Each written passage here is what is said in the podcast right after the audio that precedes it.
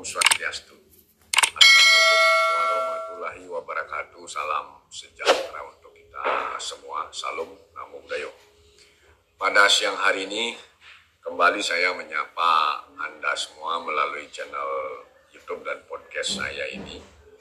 Uh, di mana saya akan menyampaikan satu tema yang sebenarnya amat sangat menarik untuk kita cermati semua apalagi di kondisi kekinian di tempat kita ini.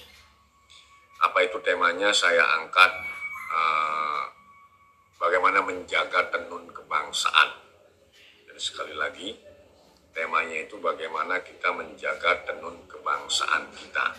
Sehingga tujuannya itu keeratan hubungan kita semua di dalam kehidupan berbangsa dan bernegara ini semakin kuat. Jadi ini sebenarnya gagasan yang sudah lama ingin saya sampaikan karena melihat beberapa tahun belakangan ini bisa dikatakan terjadi penurunan nilai atau rasa di tempat kita ini. Saya baca catatan saya sampai saya catat. Jadi pertama toleransi.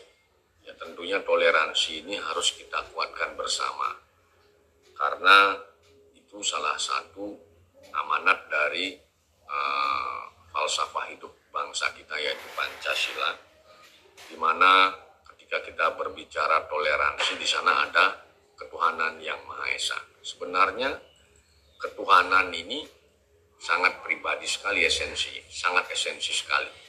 Sehingga uh, siapa pun dia tidak boleh mengganggu hubungan seseorang dengan Tuhannya itu sebenarnya esensinya yang penting yang yang perlu di, kita sadari bersama sebenarnya.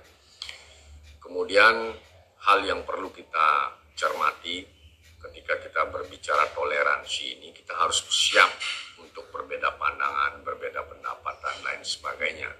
Jangan sampai perbedaan pandangan atau pendapat itu apalagi di uh, dalam kehidupan demokrasi ini uh, berkurang. Justru dengan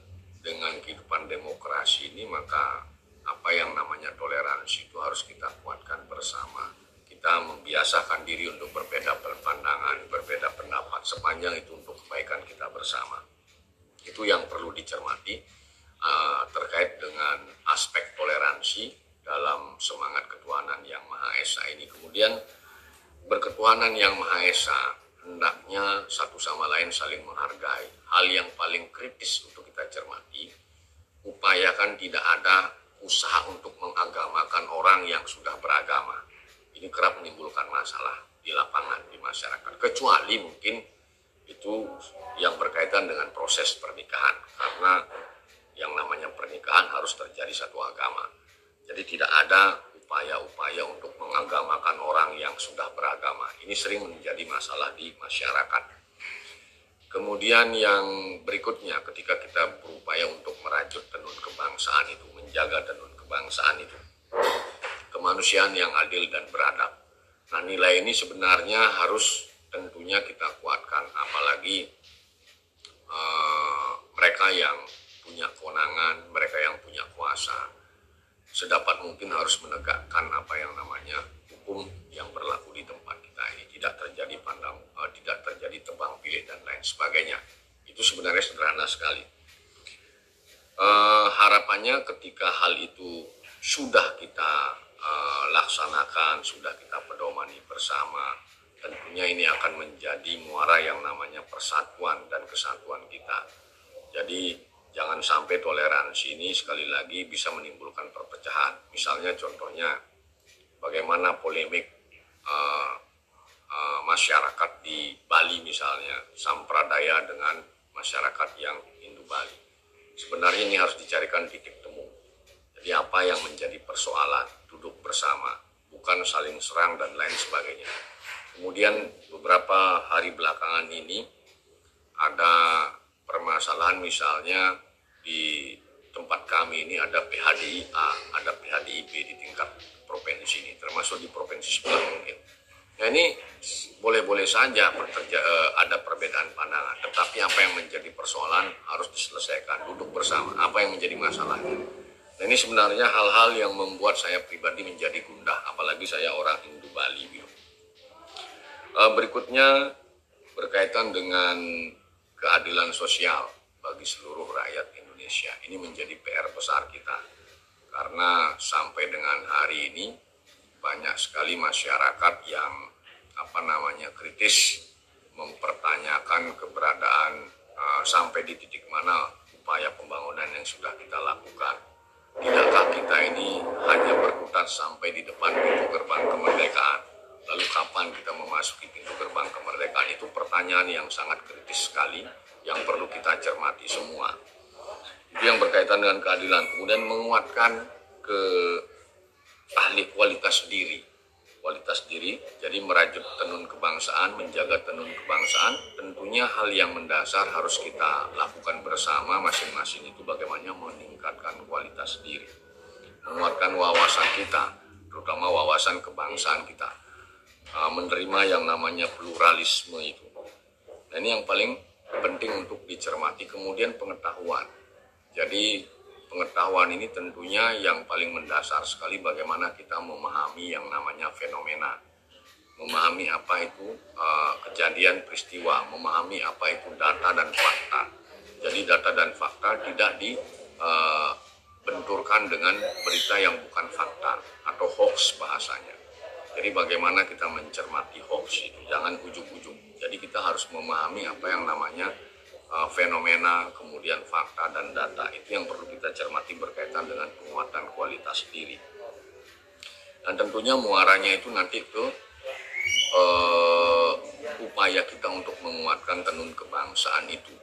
Kemudian yang paling penting sekali sebenarnya uh, di negara sebelah sana jauh di dari tempat kita bahasanya di USA itu itu ada anekdot atau bahasa politik itu bisnis kotor saja dikatakan seperti itu di tempat lain, tetapi sebenarnya kacamata saya politik itu justru kita hmm. tidak adil.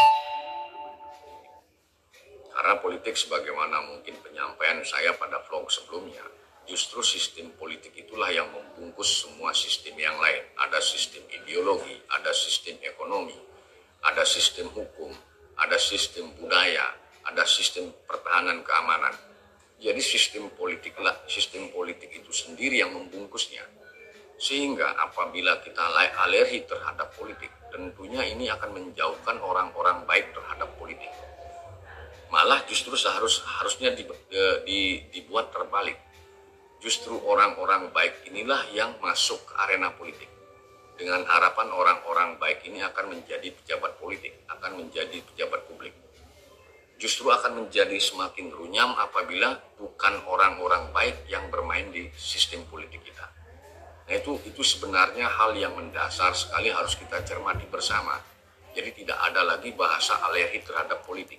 Bahkan kalau kita mau jujur, ketika kita akan tidur dan baru bangun saja, secara pribadi kita berpolitik dengan diri kita sendiri.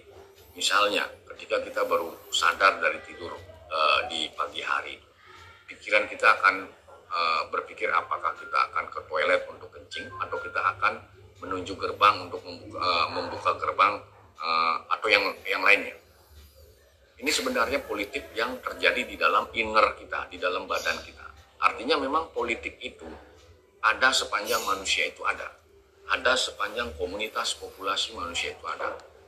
Nah, itulah sebenarnya kenapa saya katakan kita justru tidak boleh alergi terhadap politik bahkan kita mendorong orang-orang yang baik, orang-orang yang berbudi luhur dan apalagi berisi kecerdasan yang kuat masuk ke arena politik. Nah hal itulah yang sebenarnya ingin saya sampaikan kepada Anda semua berkaitan dengan bagaimana kita merajut tenun kebangsaan ini, menjaga tenun kebangsaan ini, sehingga bisa membangun negeri ini menuju kebaikan dan menuju kejayaannya paling tidak di era tahun 2050 atau 2100. Uh, demikian hal yang bisa saya sampaikan pada vlog saya pagi hari ini. Apabila dalam penyampaiannya ada yang kurang berkenan, saya mohon maaf. Saya tutup dengan menyampaikan Santi. Om Santi, Santi, Santi Om. Assalamualaikum warahmatullahi wabarakatuh. Salam sejahtera untuk kita semua. Salam.